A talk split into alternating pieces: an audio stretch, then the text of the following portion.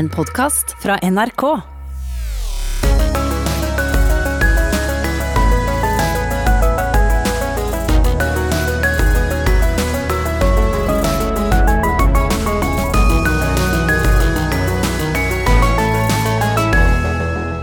Han er niende generasjon hotelldirektør i familien som driver Norges eldste reiselivsvirksomhet. Hun er journalisten, forfatteren og eventyreren som flytta fra Svalbard til en vegløs eplegard i Sogn. Ole Henrik Nitter Vallaker og Sigrid Sandberg er dagens gjester i campingstolen.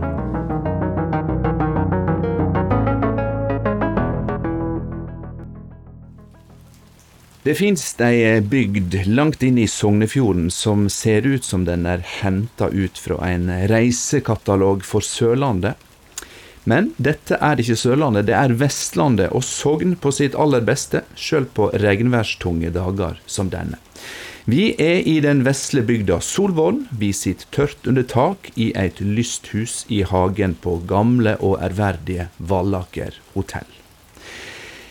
Jeg hadde nær sagt, Ole Henrik Nitter Vallaker, eh, fiffen på Oslo vest og i Bærum, de veit jo hvor det ser ut her. Ja da, de eh, er godt kjente her. Det kan man trygt si. Fordi du driver et eh, hotell av det sjeldne slaget. Dette er jo ikke det eneste trehotellet i Norge med lang fartstid, men det er altså et hotell som familien din har holdt drifta gående ved i 300 og 30 år. Men det var drevet av en annen familie de første 50 årene, som vi Ja. vet om. Så hotellet er 380 år gammelt. Yes. I år så er det 380 år gammelt. Siden 1640. Men vi har bare drevet siden 1690 i min familie. Bare, ja. Sigrid Sandberg, du har eh, ikke nesten fire års eh, historie bak deg i den vesle kafeen du og mannen din driver rett borti gata her. Det er mer snakk om fire uker. Ja, det er fire uker. Hvordan kjennes det å plutselig være kafévert? Jo, nei, det, det må jeg si at eh, jeg føler at jeg har hatt et veldig fredelig liv hittil. For det er altså full rulle døgnet rundt. Og i dag var jeg oppe klokka fem og har bakt eh, fire-fem nøttekaker og laga krem til gulrotkaker som jeg laga i går. Og så er det i seng og, eller ut i båten og hjem eh, når vi har fått vaska alle doene. Og aldri vaska så mange doer i hele mitt liv. så det er full rulle. Ja. Eh, Jeg har jo invitert eh, dere to hit til eh, Lysthuset i dag. Ikke for å snakke primært om verken hotell- eller kafédrift, eh, men for å snakke om eh, de valene som vi gjør i livet vårt. De valene dere på hver deres vis har gjort. Eh, Og både om de situasjonene som gir oss store valg, og de gangene vi ikke har noe valg. Um, og Vi snakker nå om drømmen om en kafé og et småbruk, Sigrid. Hva er det du har drømt om, Ole Henrik, som ikke har inkludert eh, Norges eldste hotell? Jagerflygere. Ja. Det er Fart og spenning. ja. Ja. Had, men hadde du seriøst Kunne du ha sett for deg et liv som jagerflyger hvis du hadde valget? Eh, Litt høy, eh, dårlig kne og et brille, så gikk ikke det så bra. Dyslektiker i tillegg, vet du. praktiserende sådan. Eh, Så nei, da, da, da fikk vi fortalt at nei, dette var vel litt, kanskje litt uh, høye mål å sikte etter. liksom. Ja ja, men da får vi sikte litt lenger ned. Vet du. Så det, hadde jeg eh, gjort om igjen i dag, ja, da hadde jeg gått for jagerflyger i dag. Så det. Men eh, vi visste jo at hotellet var gammelt og hadde vært i uh, familiens eie i generasjoner. Og, og så da var det jo spørsmål om uh, hvem skulle ta over. Og når de tre andre søsknene ikke torde å klatre opp på bommen engang, da skjønte jeg at dette her var Da ble det jeg som tok over. Ja, og da er vi egentlig i kjernen av dagens eh, spørsmål. Fordi du, du hadde søsken, de ville ikke overta. Alle ser på deg. Ole Henrik, you can make it. Uh, og nå trenger vi at du tar en for laget. Um, har du egentlig hatt et reelt valg om hva du skulle bruke livet ditt til? Ja, i høyeste grad. Men dette var faktisk enda bedre enn å være jagerflyger. No kidding. Og det er um, Jeg jobber jo bare halve året. Nå er det sju måneder strengt tatt nå blitt. Og så har jeg champagne i glasset hver dag hvis jeg vil. Og det har ikke jagerflygeren. Så jeg føler at jeg har en mye bedre jobb enn eh, å være jagerflyger. Men når man sitter her i lysthuset det dryper litt på taket og eh, du vet det har dryppet på taket her i uh, hundrevis av år, og det har sittet folk før her. Og, um, og man da ser, tenker seg den linja tilbake til 1640, og så vi da i 1690, når vi kom, så blir min tid han blir så uendelig kort. Så jeg tror at jeg, eh, jeg har kommet på en god plass, eh, funnet min plass i livet, og er veldig tilfreds med det. Men den er jo viktig, da, for hvis du hadde bråte den linja, så hadde den blitt bråte for alltid. Ja, det er helt sant. Det er helt sant. Og går du ikke å tenke på det, egentlig. Det som Sigrid sier, at hun står opp klokka fem om morgenen og, bak, og baker. Man gjør det som skal til, men det gjør man fordi at det er, eh, det er faktisk en givende jobb. Sigrid, kunne du eh, vært ei som var langt nede i si, arverekka til, til noe som dette? Hadde du fiksa det forventningspresset? Ja, utrolig vanskelige spørsmål å svare på. eh, litt dårlig samvittighet og litt sånne ting kunne jeg sikkert kjent på, men jeg tror likevel at jeg har en sånn rastløshet i blodet som eh, i hvert fall i tidlige år nå føler jeg jo at jeg liksom Altså ute på, på, den gården vi er på nå, så føler jeg jo for første gang i livet at her, her eh, kan jeg faktisk bo. Her har jeg lyst til å lande og, og være resten av mitt liv, da. Eh, så det er jo litt sånn ny følelse. Det var ikke direkte svar på spørsmålet, men, eh, men det har jo noe med alder og alt å gjøre, selvfølgelig. Alt har sitt liv. Ja, og, og, jeg ser liksom tilbake og ser Jeg er jo 44 og har hatt 22 forskjellige adresser, liksom, og det, det, er, det er, litt, eh, det er litt rastløst. Så det er på tide å lande. Du hører To i campingstol på NRK, sommerserien der jeg hver dag møter spennende gjester til samtale om aktuelle tema. Dagens gjester er hotelldirektør i Solvorn, Ole Henrik Nitter Valaker, og forfatteren, eplebonden og kaféverten Sigrid Sandberg.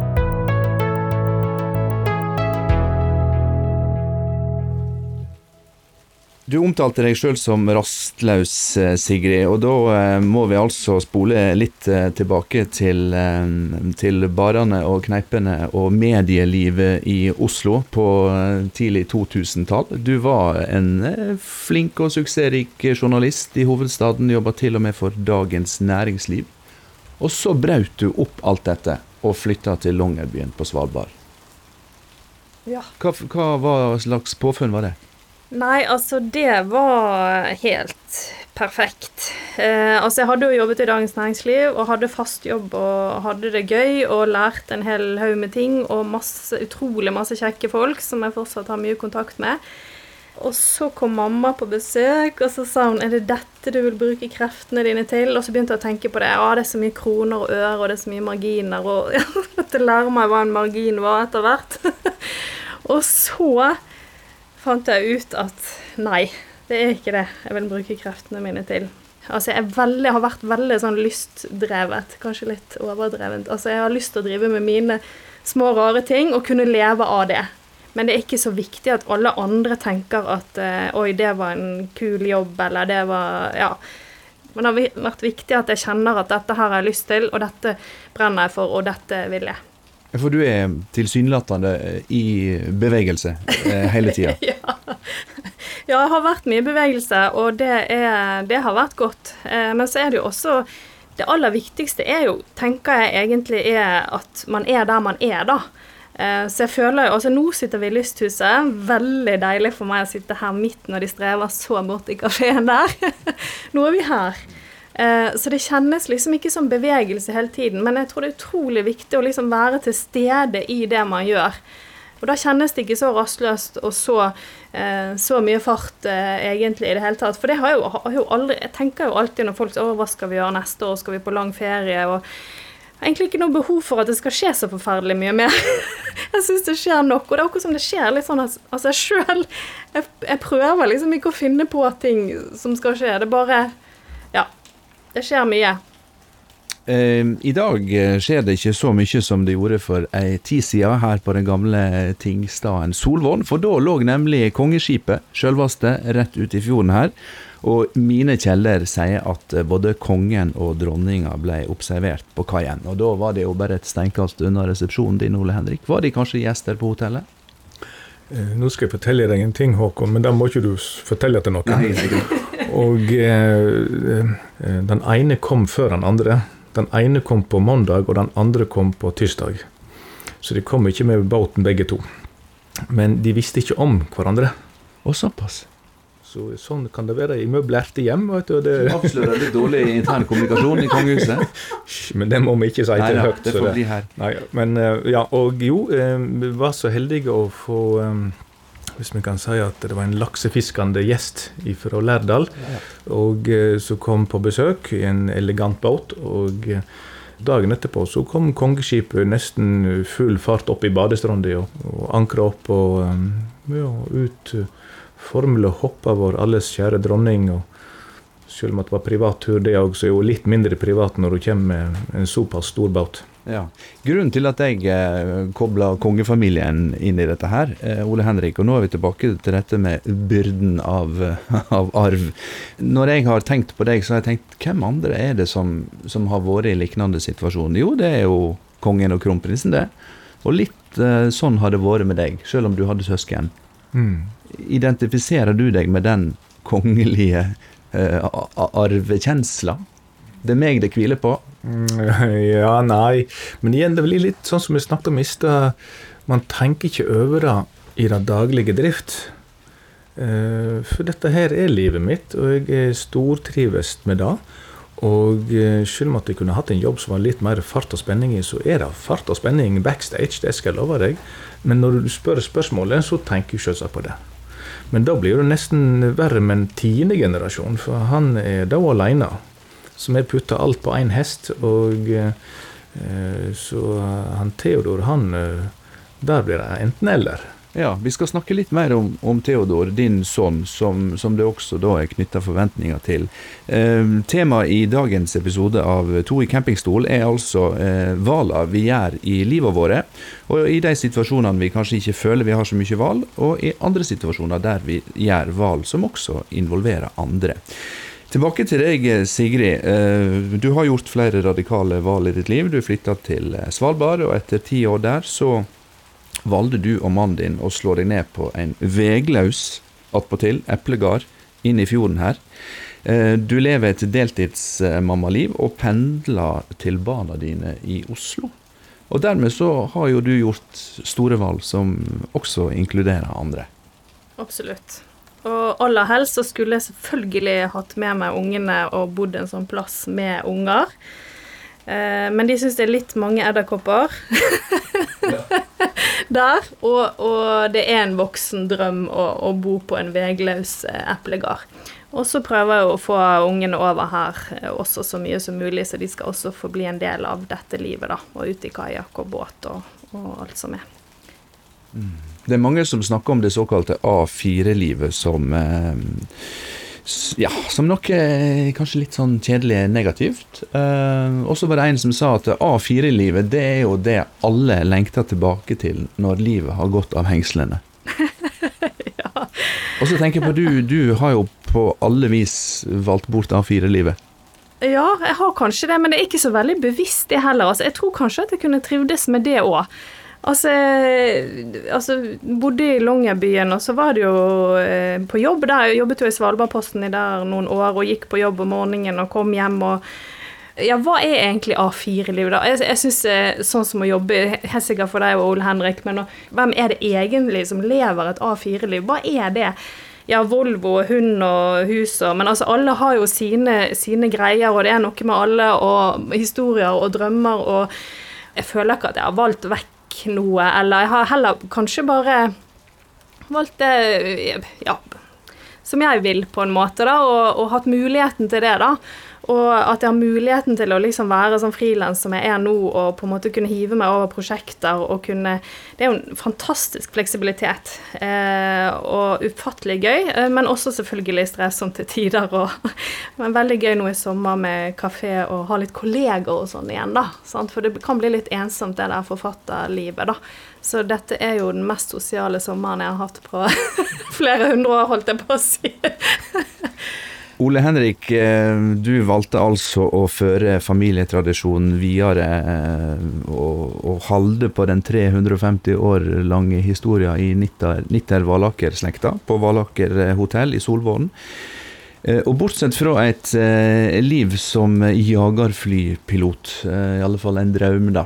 Hva har du valgt bort, hvis du skal tenke deg om? Nei, jeg føler egentlig ikke at jeg har valgt bort noe. Jeg føler at alle andre lever A4-livet, når jeg står og prater med deg, som Sigrid sier, når du kommer litt innunder huden på gjestene, mm. så er det Så aner jeg at Ja, og de er misunnelige på meg. Ja. De er kjempemisunnelige. For de, det som Sigrid sier, at de står opp, går på jobb, lager middagen og kommer hjem igjen. Mens her, du, her, er det ikke rushtrafikk. Rushtrafikken i Solvaren det er når ferja kommer og det er mer enn fem biler. liksom. Det går fornuftig fort fram. liksom. Og, ja. ja. for jeg, jeg, var litt sånn flåsete i starten når jeg snakket om Fiffen fra Oslo vest og Bærum. Og det er jo fordi dette er et hotell som tiltrekker seg folk som eh, liker tunge lysekroner og gamle møbler og stiv damask. Mm. Men for å kunne bo her, så må en jo ha ei viss eh, inntekt. og det er mange her som har god økonomi, da, for å si det slik, og mange kommer fra familier som, som er rikt bemidla. Men så sier du at også der eh, lever folk sine, sine, litt sånne kjedelige, kanskje litt strevsomme A4-liv. Oh yes, det er helt sikkert. Senest var det to dager siden vi var på terrassen til klokka var halv to på natt. Vi satt med og snakket med noen som hadde med seg noen unger. og og, eh, men jeg var nett inne og sjekka hvor de var ifra, og så så jeg adressa. Og, så, ja, sant? og da kjenner jeg igjen gjesten, liksom. Profilen. Profilen, ja. ja. Og, eh, Engelsk setter og yes, fløyelsshorts. Helst to, og... sant, ja. Der er det tett som hagl, med huset oppi, sant? der de bor. Og eh, du, pri, privatlivet ditt Du får jo ikke noe privatliv, egentlig, for naboen, naboene ser inn på deg hele tiden, og du ser bort på naboene. Mens her så er det så Du har så mye luft rundt deg at uh, Og hvis naboen gjør noe, så ja ja, whatever. Sant? Du bryr deg ikke. Og uh, folk får gå i fred og um, men jeg tenkte litt på det du sa om A4-livet. og, og jeg må, Ofte når folk kommer til meg og sier at de er litt sånn misunnelige på mitt liv, og jeg har så stor fleksibilitet, så blir jeg litt sånn flau på en måte. fordi at jeg tenker jo ikke om meg sjøl at jeg har en sånn forferdelig viktig jobb. Så jeg liksom jeg må bare få si det der med liksom de der som lever de der eh, livene sine. Altså, de er lærere, de er sykepleiere, de går på jobb. Det er så ufattelig mange viktige jobber som jeg har mye større respekt for at folk gjør og holder ut i, og, og virkelig bidrar til samfunnet, og det er så viktig. Altså Hvis alle hadde gjort sånn som meg og Ole Henrik, så hadde jo ikke, hadde jo ikke Norge vært et samfunn, liksom. Altså det er, det er Vi må liksom løfte respekten for den, den gruppen der, da. Sånn at ungdommene våre har lyst til å, å, å ta de yrkene òg, og ikke bare skal ha sånne spesialkule, kjempe sine egne showyrker. Eh, så det er noe av min eh, oppdragelse går ut på, å på en måte prøve å løfte respekten til de, de viktige yrkene. Der vil jeg faktisk eh, støtte deg på den. Når vi, da, vi har mye håndverkere som går her på vinterstid. Og ingenting er moroere enn når du får snekkeren eller elektrikeren eller sånne, og de har med seg lærlinger.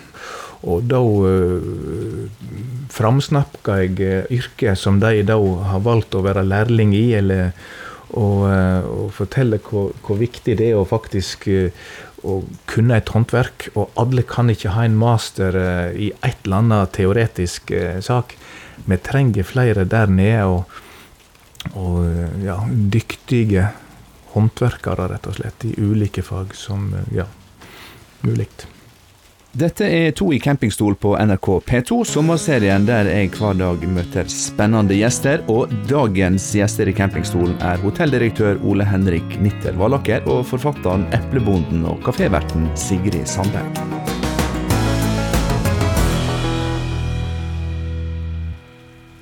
Vi har snakka om A4-livet, vi har snakka om drømmer og vi har snakka om eh, valg vi gjør i livet våre. Mange har måttet tenke nytt om eget liv etter pandemien som stengte både Norge og verden ned.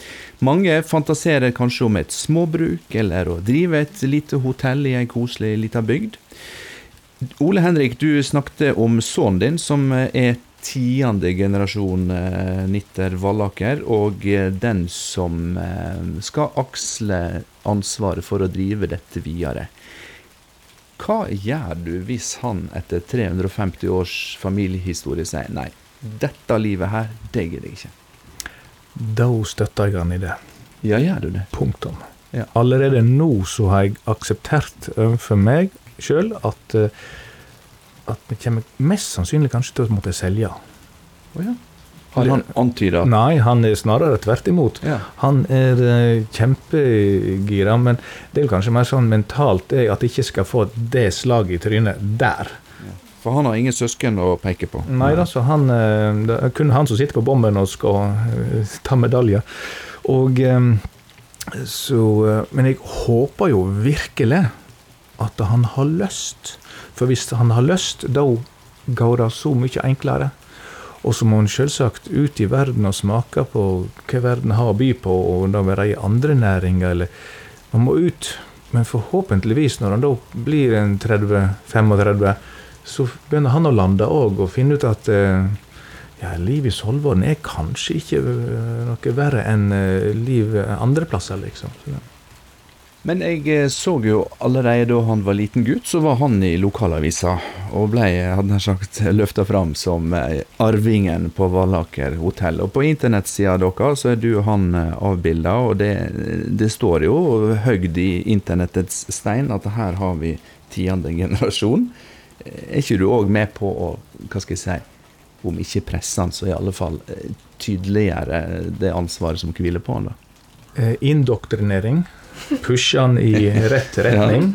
Um, når Sigrid og jeg var i studiet, eller unnskyld, ja, når vi skulle studere Nå er noen uh, år eldre enn uh, Sigrid, uh, men snart tar du meg igjen, Sigrid. tar det hele med rom. Da hadde vi tusenvis av valg vi kunne utdanne oss til. Han får titusenvis av valg å utdanne seg til. Så vi må jo se om han har det i seg. Hvis han ikke har det i seg, så skal han absolutt få slippe. Men eh, fordi at det er en jobb som krever både syke og fysikk og kunnskap, og det er ikke for alle. Nå har du sagt det på radio òg. Ja, nå har vi sagt det på radio. Men da er det egentlig litt likt, da. sant? Altså, det handler om at man må ville noe. sant? Må ha, må ha en lidenskap for det, og må ville ting. Ellers så går det ikke. Men det er mange som vil, eh, men som ikke får det til, fordi de lar være å gjøre, gjøre de dramatiske valgene. Hva sier kafégjestene, eller hva sier du til dine kafégjester som kommer og sier Åh, så koselig. Skulle ønske jeg kunne ha gjort som deg. Ja, bare så kom inn på kjøkkenet, sier jeg. Her trenger vi god hjelp. Det er faktisk mange venninner av meg, godt voksne folk med unger og alt, som har spurt om de kan få komme neste år og ha sommerjobb. Eh, og det er de hjertelig velkommen til. Når sommeren kjem, da blir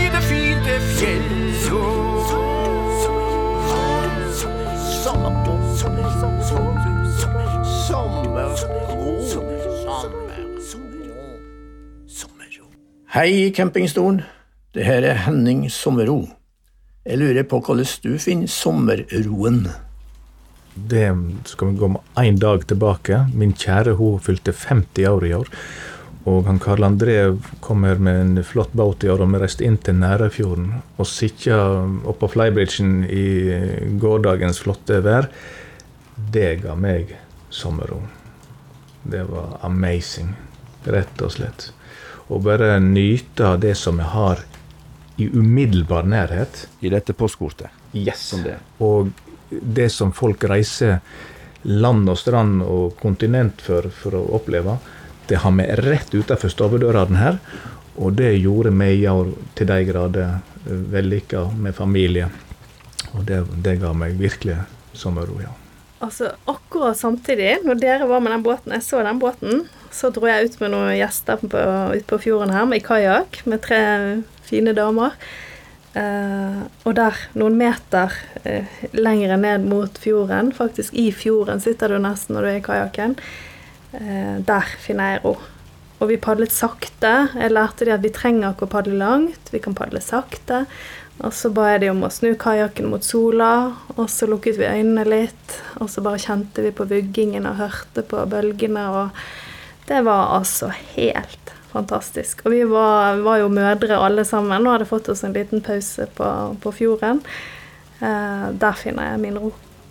Sigrid Sandberg, tusen takk for at du eh, kom eh, hit, eh, selv om du egentlig ikke hadde tida. For det koker på kafeen, og du skal få gå tilbake, tilbake. Fra, fra Lysthuset. Tusen takk også til verten her i dag, Ole Henrik Nitter Valaker på Valaker hotell, for at vi fikk sitte tørt og godt inne i dette flotte lysthuset. Dagens utgave av To i campingstol sier takk for følget. Teknisk ansvar i dag, Lars Erik Ertsgaard Ringen. Programleder Håkon Haugsbø. Vi høres.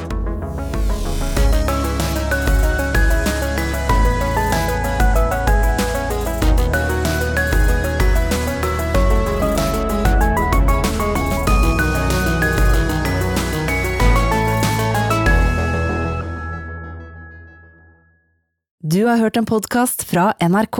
Hør flere podkaster og din NRK-kanal i appen NRK Radio.